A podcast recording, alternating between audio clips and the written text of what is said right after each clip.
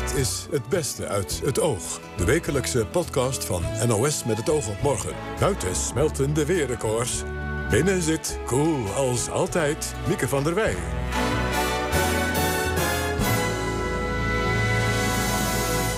Ja, cool als altijd. Nou, ik kan u vertellen, het is nu zaterdagmiddag en buiten is het ook aardig opgefrist, gelukkig.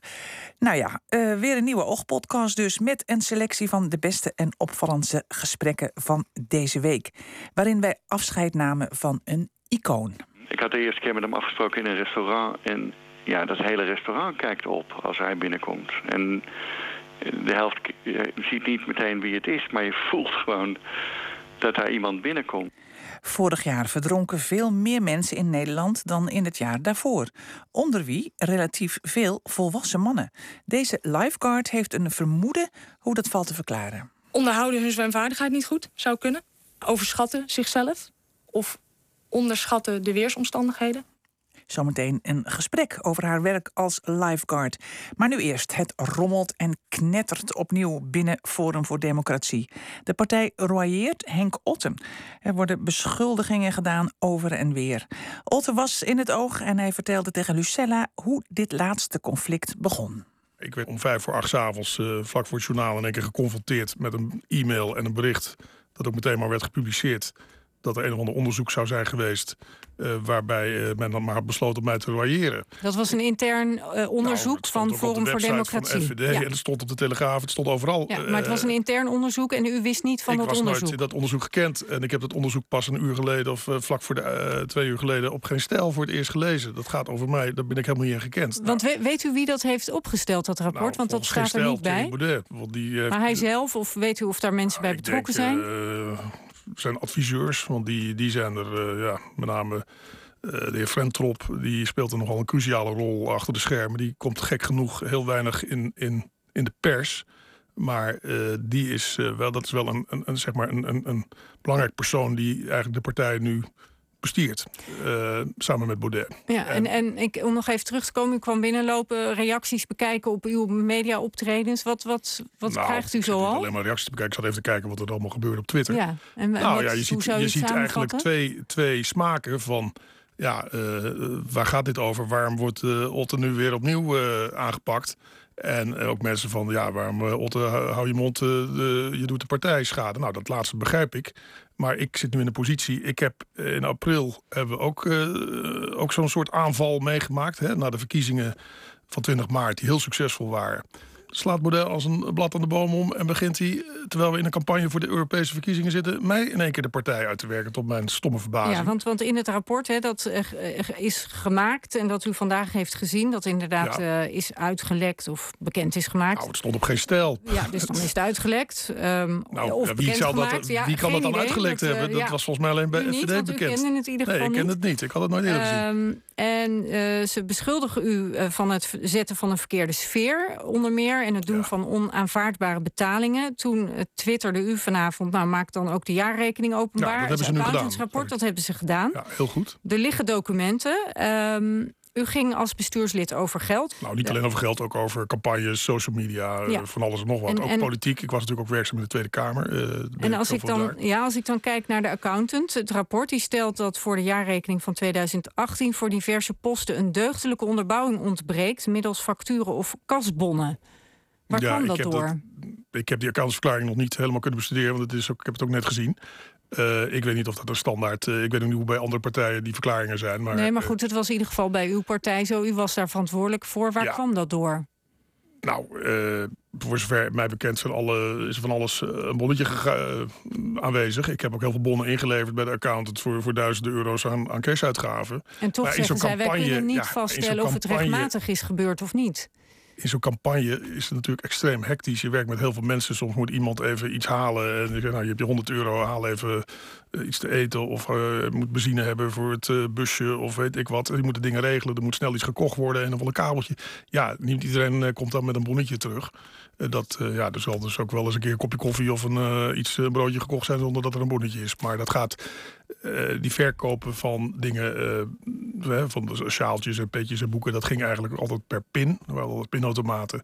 Dus ik denk dat 90% van die betalingen per pin gegaan zijn. Maar ja, soms deden die dingen het niet, had je geen dekking. Of nou ja, dan ging het cash. Ja, want, wat zij constateren ook is dat er geen deugdelijke kasadministratie heeft plaatsgevonden vorig jaar. Hiervoor geldt dat daardoor zowel ontvangsten als kosten niet zijn verantwoord in de staat van baten en lasten over 2018. Nou, dat is natuurlijk toch kritiek van de accountant. Ja, maar is wel een goedkeurende dan... verklaring afge afgegeven. Zo ja, maar begrijpt u wel dat Baudet denkt van eh, ja, dat nou, vind ik niet prettig. Je moet het wel even in perspectief plaatsen.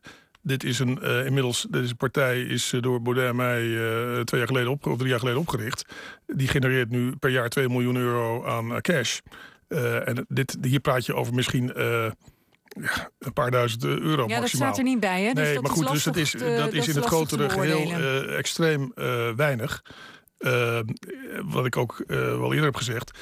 In die campagne gaf ik soms in mijn eentje op een dag wel één of twee of wel meer, soms wel twee ton per dag uit omdat er gewoon hele, er moesten mediadeals gemaakt worden, er moesten dingen, filmpjes op Facebook. Het kost ook heel veel geld. Hey, heeft, u, heeft u dat misschien achteraf onderschat hoe het is om zo'n snel groeiende partij financieel te bestieren? Nou, nee, ik denk dat dat heel uh, goed uh, gegaan is.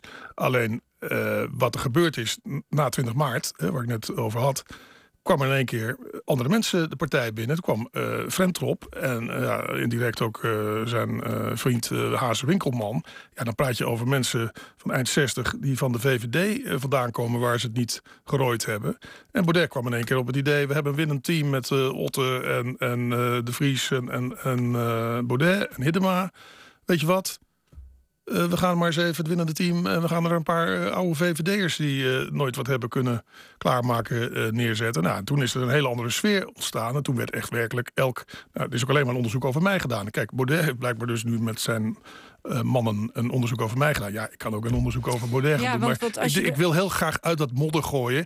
Terwijl u wel zegt, vandaag heeft ook een vakantie in Thailand betaald... in eerste instantie met geld uit de nou, kas. Op een gegeven moment zag ik, ja, er zijn er wel meer dingen... maar dan zag ik, hé, hey, wat is dit? Is een hotel uh, in Thailand, Ko, Ko, niet Koh Samui, maar zo'n ander eiland.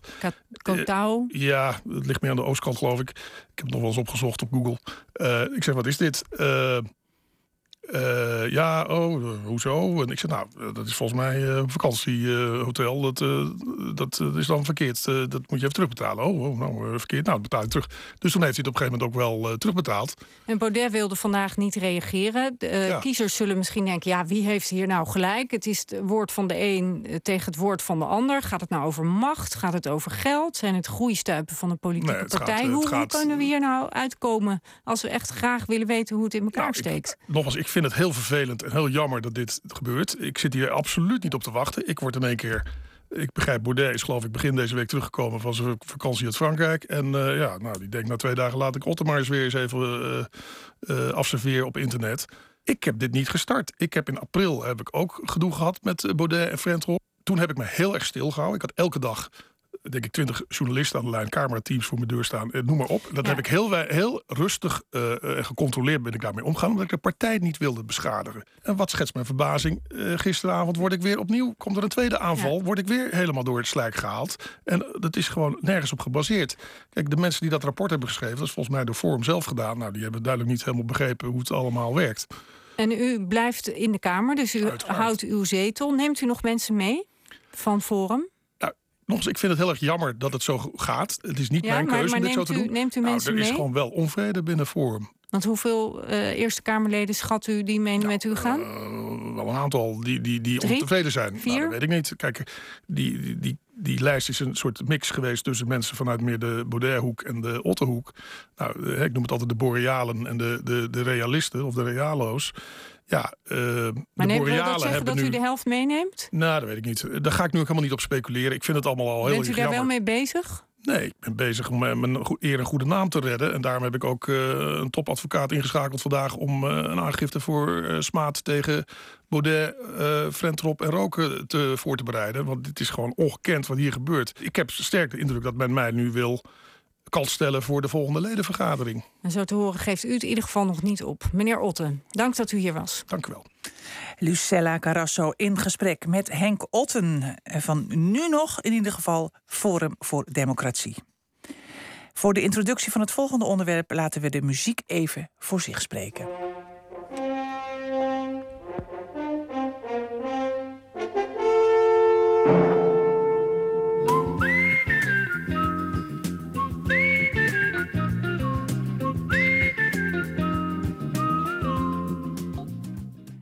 Hebt ze vast uh, herkend. De tune van Floris en daarna de soundtrack van Turks Fruit. Rutger Hauer overleed op 75-jarige leeftijd. Ik ga met, uh, praten over hem met NRC-filmjournalist Dana Linsen. Goedenavond, Dana. Goedenavond. Dag. En met regisseur Maarten Treurniet, die met hem samenwerkte bij de film De Heineken-ontvoering. Goedenavond allebei, ook Maarten Treur niet. Dag. Hallo. Uh, dag, uh, u, we bellen u in Frankrijk, meneer Treur niet, of Maarten? Ja, klopt. Ja. Uh, je, mag ik Maarten zeggen? Ja, natuurlijk. Ja, Oké, okay. je, je bent ongetwijfeld geschrokken, net zoals iedereen. Ja, enorm, ja. Verschrikkelijk echt. Het is, ja, volkomen onverwacht inderdaad, voor mij hè. Ja, niemand, niemand wist dat hij ziek was? Nee, niet ik in ieder geval. Nee. nee. nee. Uh, dus er wordt ook gezegd een kort ziekbed, maar verder worden daar geen mededelingen over gedaan. Dat hoeft ook niet. Wanneer heb je hem voor het laatst uh, contact met hem gehad? Uh, een paar maanden geleden heb ik hem nog ehm, geappt, omdat een Belgische regisseur, een vriend van mij, wilde dat hij in een film van hem ging spelen. En, en die kon niet met hem in contact komen. En omdat ik zijn 06-nummer heb, had eigenlijk heb ik hem rechtstreeks uh, geappt en gevraagd: uh, kan ik jou uh, in contact brengen met iemand uit België die iets met je wil? En toen reageerde hij meteen en heel positief en zei: juist met zijn e-mailadres stuur hier een e-mail naar. Dan reageer ik. Ja. Ja. Dana Lins, zijn overlijden is voor een filmjournalist ongetwijfeld ook een, een schok.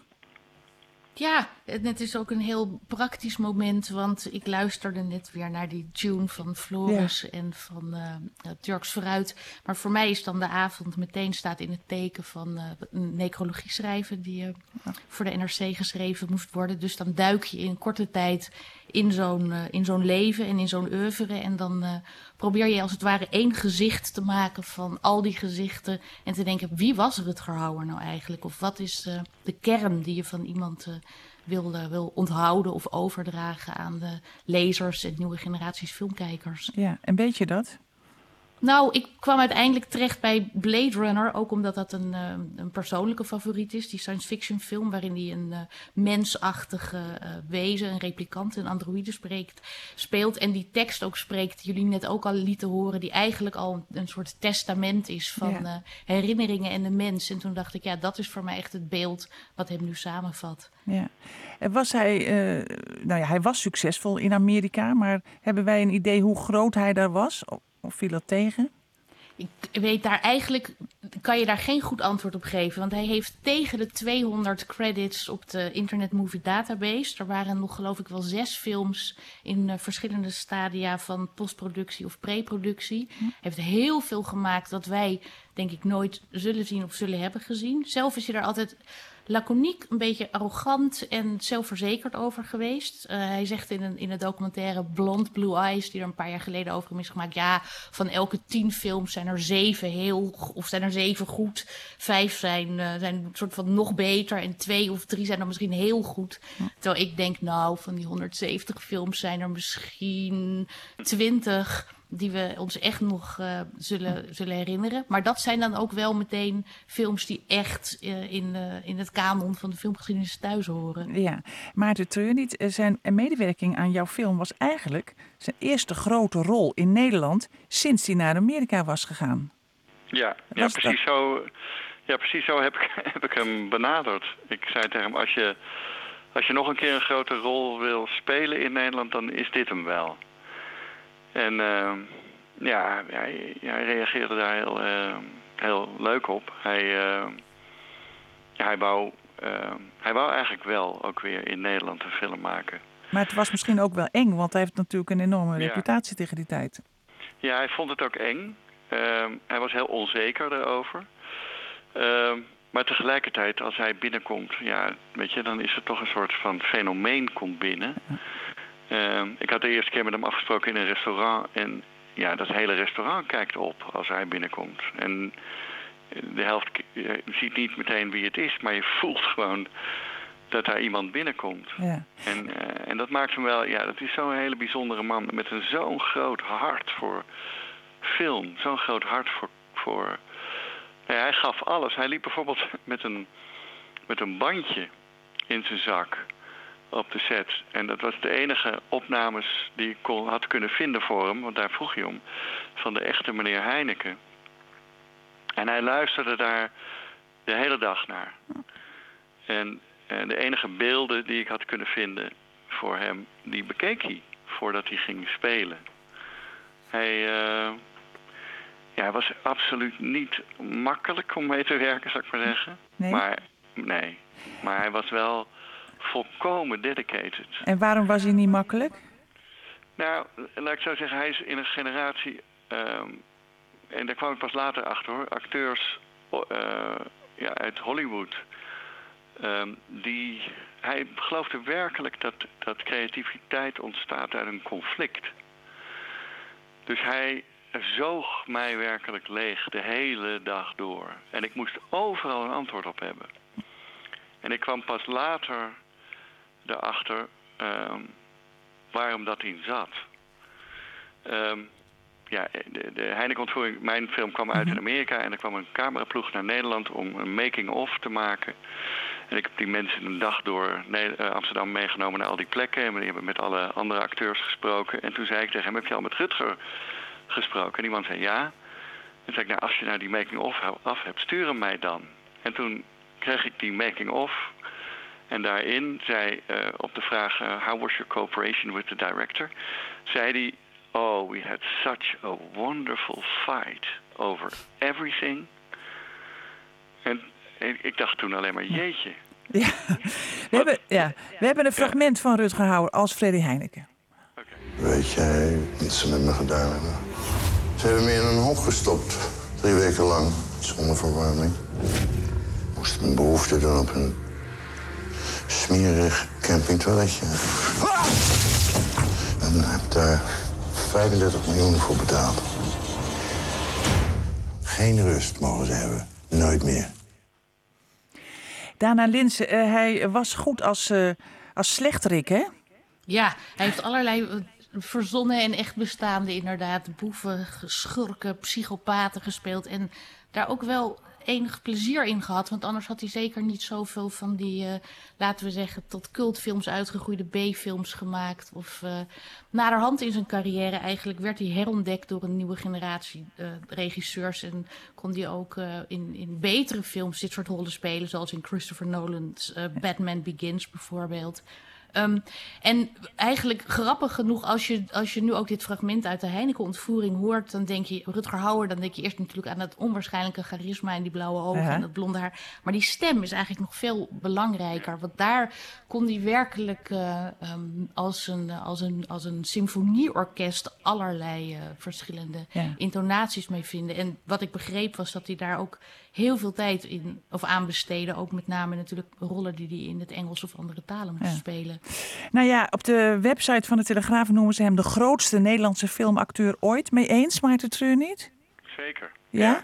Echt waar? Ja, zeker. Ja. Nou ja, ik bedoel, ik, ik ging als kind al in een Majo naar school om Floris na te spelen. Ach. Ja, uh, en, nog even naar Dana. Ja, ik, ik, ik, ik, ik zit een beetje met mijn tijd. Dana ook mee eens de grootste Nederlandse filmacteur ooit?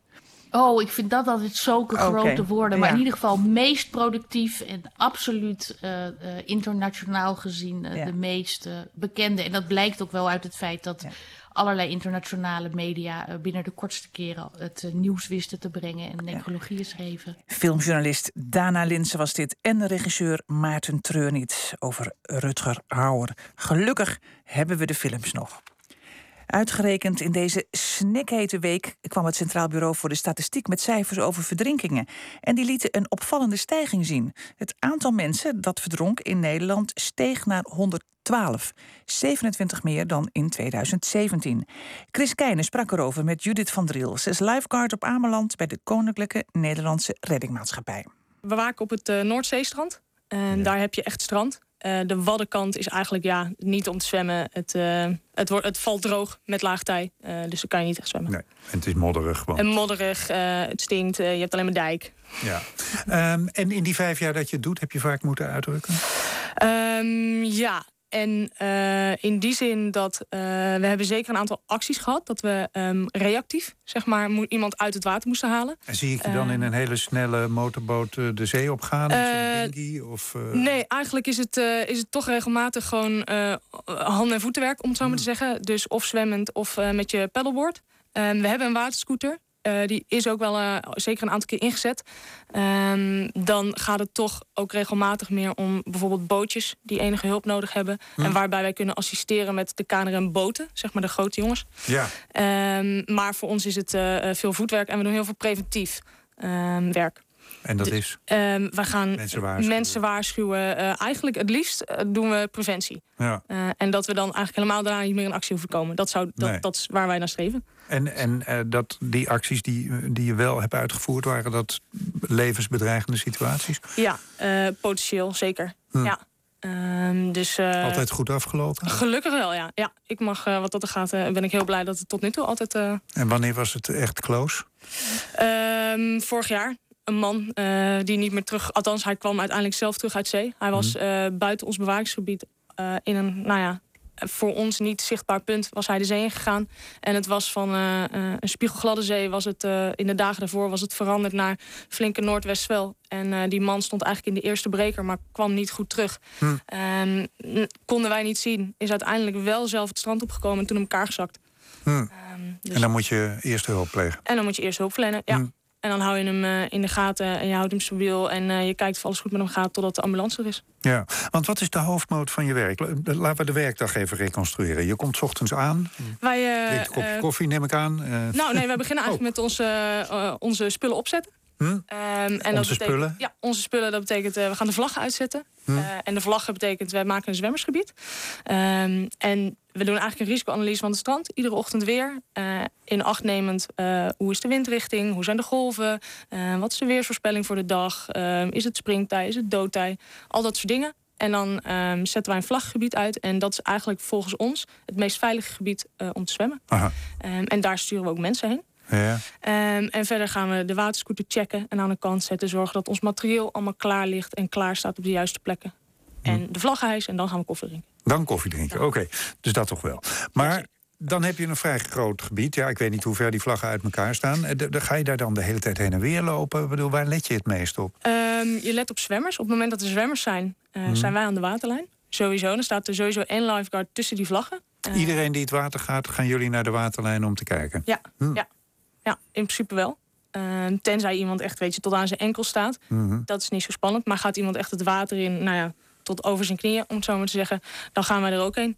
Hm. En uh, um, dan kijken we sowieso naar de zwemmers die echt zwemmen. Uh, maar we houden ondertussen ook nog in de gaten van, joh, um, is er bijvoorbeeld aflandige wind? Spreken we iedereen aan met bandjes, drijfmiddelen, uh, dat soort dingen. Mm -hmm. maar ook mensen waarvan we, de, waarvan we zien, joh, die zwemt niet zo lekker of die zwemt niet zo goed, gaan we ook even een praatje mee maken. Ouders die hun kinderen vrij laten lopen of even niet zo goed in de gaten houden. Hm. Dus het is veel praten. Ja, ja ik hm. mag uh, ja. alles wat ik weet mag ik uh, vertellen aan anderen. Ja. Ben, je, ben, ben, je ervoor getraind? Ik neem aan dat je ja. eerste hulp ja. training hebt gehad. Maar heb, heb je bijvoorbeeld ook een, een speciale zwemtraining? Of? Ja, zeker. Ja. Wij hm. moeten, voor de KNRM Lifeguards moet je sowieso selectie doen. Je moet 400 meter kunnen zwemmen binnen 8 minuten. je moet hardlopen, groepsopdracht en je krijgt een individueel gesprek. Hm. Um, en vervolgens, als je nou, door die selecties komt zeg maar, en uh, je wordt geselecteerd, dan uh, doe je een opleidingsweek. en dan krijg je al nou ja, zeereddingstechnieken, EHBO, al dat soort dingen. Ja. En dat herhaal je ieder jaar ook. En dan nu even die, die stijgende cijfers. Verbaast het je? Um, nee, gezien de zomer vorig jaar niet. Hm. want het was nou ja, een uitzonderlijk goede zomer. Het was uitzonderlijk lekker weer. Veel meer mensen, denk ik, die dan dus ook naar het strand gaan. Ja. Voor meerdere dagen achter elkaar misschien wel. Ehm, mensen die misschien dat soms wel niet doen en nu wel doen. Mhm. Ehm, je, je ziet gewoon veel meer toeristen ook. Dus de- de warmte is de belangrijkste factor? Of wordt het ook gewoon minder met het zwemmen? Daar durf ik geen harde uitspraken over te doen. Ehm, maar je ziet wel, wat, wa- wat je wel ziet, is dat mensen denken: we hebben een, ik heb een zwemdiploma, dus ik kan zwemmen voor de rest van mijn leven. Hmm. Eh, maar zo werkt het niet. Ehm, je moet dat oefenen. Ja. Zwemmen is niet een vaardigheid die je, zeker conditioneel, dat behoud je niet. Nee. Dus die moet je echt onderhouden, wil jij goed kunnen blijven zwemmen. Ja. Het is wel zo dat bijvoorbeeld in de leeftijdsgroep tussen 10 en 20 eh, het- het vooral doden met een migratieachtergrond zijn, die, Ja. die kleinere kinderen. Ja. Komt dat alleen doordat ze minder goed kunnen zwemmen? Ja, denk ik. Want de, eh, zwemles zit minder in die cultuur. Voor ons is het allemaal normaal als Nederlands dat wij op zwemles gaan als wij vier zijn, vijf zijn. Ehm, bij hun is dat minder. Maar ook eh, je ziet ja, taalachterstanden of taalbarrières, ook bij ouders. Ouders weten het vaak niet. Hmm. Ehm, dus die geven onbekendheid en Ja. borden niet kunnen lezen. eh, Nee. Ja. Nee, nou, dat, dat soort dingen. Ja. Ehm, was ook opvallend dat, dat van dat grotere cijfer, dus eh, heel veel slachtoffers bij juist weer wat oudere mannen zijn. Ou- Ouder zo tussen de, de 20 en de 40. Ja, ja viel op. Ken dat nou? Ehm, onderhouden hun zwemvaardigheid niet goed. Hm. zou kunnen. Ehm, en ehm, gaan dus nou ja, overschatten zichzelf. Of onderschatten de weersomstandigheden. Ehm, of de golven. Hm. Golven zien er heel leuk uit en zijn ook heel leuk als je weet eh, hoe het werkt. En soms ook als je niet weet hoe het werkt hoor. Ik bedoel, de zee is niet alleen maar gevaarlijk. Nee. Het is ook heel leuk. eh, Ja. Maar je moet wel weten wat je moet doen op het moment dat je denkt... oeh, maar nu wordt het me te heftig. Ja. En wat moeten de mensen doen? Wat is nou het belangrijkste waar zwemmers op moeten letten? Behalve dat ze natuurlijk naar jullie vlaggen moeten kijken en moeten luisteren naar wat jullie zeggen. Ehm, het belangrijkste wat ze kunnen doen is zorg dat je altijd grond onder je voeten houdt.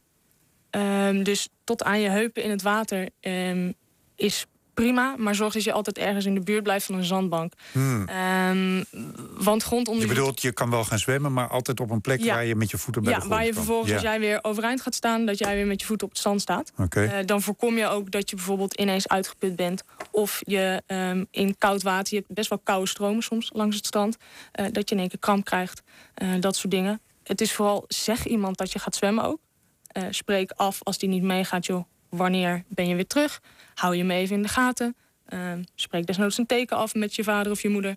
ehm, als er iets aan de hand is. Hm. Eh, dat soort dingen. En ja, blijf inderdaad rustig. Als je het niet weet, loop gewoon naar een lifeguard toe. Oké. En eh, wij zijn altijd eh, bereid om je het woord staan en te helpen. Dat zei Judith van Driel. Zij is lifeguard op Ameland. En het warme weer was natuurlijk vaker onderwerp van gesprek deze week. Zoals dinsdag, toen Joost Vullings sprak met Monica Taten.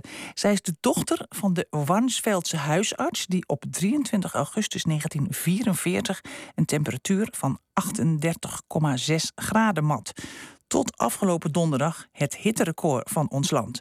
In augustus zou Warnsveld stilstaan bij het 75-jarig jubileum van dat record. Maar is er nu nog wel reden tot feest? Ja, natuurlijk. Hij heeft het nog altijd gemeten, 75 jaar geleden. En ik denk dat hij het wel. eh, nou, ik, ik geloof niet dat hij er heel treurig om zou zijn als het eh, gebroken wordt. Hij zou, denk ik, wel iets gezegd hebben van ja, wij mensen hebben daar geen enkele invloed op. Dat is nou eenmaal de natuur, dus eh, daar moet je naar luisteren. Was u er zelf bij op die legendarische 23 augustus 1944? Nou, dat is natuurlijk een impertinente vraag, want ik ben ook 75. Oeh, maar dan, dan spant het erom of u er net wel was of net niet. Nee, ik was vier maanden oud, om even duidelijk te Ah, maar zijn. ja, geen herinneringen meer aan, eh, vermoed ik zomaar. Nee, maar hij heeft nog wel jaren doorgemeten. Dus ik eh, herinner me er toch nog wel iets van, hoor. Ja, want, want bij, bij, bij u thuis stond dus een soort weerstation in de tuin. Ja, dat eh, was een, eh, een mooi wit houten huisje, ongeveer drie meter hoog. En daar klom hij drie keer per dag het laddertje op om alle apparatuur af te lezen. En midden op het grasveld stond een, ja, in mijn herinnering een soort van trechter. En daar eh, mat hij dus de hoeveelheid regen af per Ja. 24 uur of ja. Ja, en dan doorbellen naar de beeld en KNMI. Want ik heb uh, de, de, standen vanuit um, Warnsveld. Ik weet, ik weet niet of hij dat doorbelde. Ik heb hier een kopie van, uh, van de beruchte bladzijde uit het boekje... wat naar het KNMI ging. Dat was nog niet de koninklijk, het was de, gewoon de M. Uh, maar toen nog hele gewone jongens daar. Ja. Ja, ja, ik, ik, het, uh... ja, ik ga even naar Peter, uh, Peter Kuipers-Munneke. Ja. We, weet jij toevallig hoe dat ging in die tijd? Hoe, de, hoe dat tot het KNMI kwam, dat soort gegevens? Nee, ik zou het niet weten. Maar het zou me ook niet verbazen als het misschien uh, getelegrafeerd zou worden. Ja, zoiets, ja. Met uh, morsen. het was ook nog oorlog, hè? Ja, natuurlijk. Dus dat was misschien... Misschien werd het wel op de post gedaan of gewoon gebracht. Uh, Peter, was het in, in 1944 in heel Nederland zo warm? Ja, het was heel warm. De, 1944, de zomer, begon eigenlijk een beetje slapjes. Het wilde maar niet warm worden en het regende veel. Maar toen kwam er ineens die augustusmaand, 1944...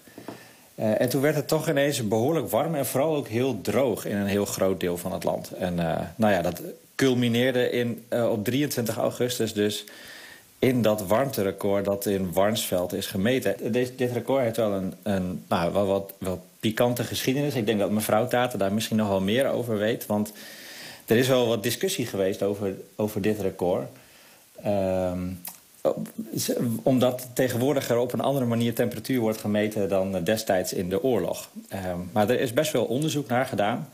Uh, ook gekeken naar uh, weersomstandigheden in de omgeving. Er werd niet heel veel gemeten in die tijd, want het was tenslotte oorlog. Maar bijvoorbeeld in Noordhorn, dat uh, ligt net over de grens bij Denenkamp, Hengelo. Daar was het op die dag ook 38,4 graden. En in Maastricht werd 36,8 graden gemeten. En bovendien Um, was de Duitse luchtmacht ook uh, in de lucht aan het vliegen. En in veel plaatsen in Duitsland werd op 1500 meter hoogte een temperatuur van 23 graden gemeten.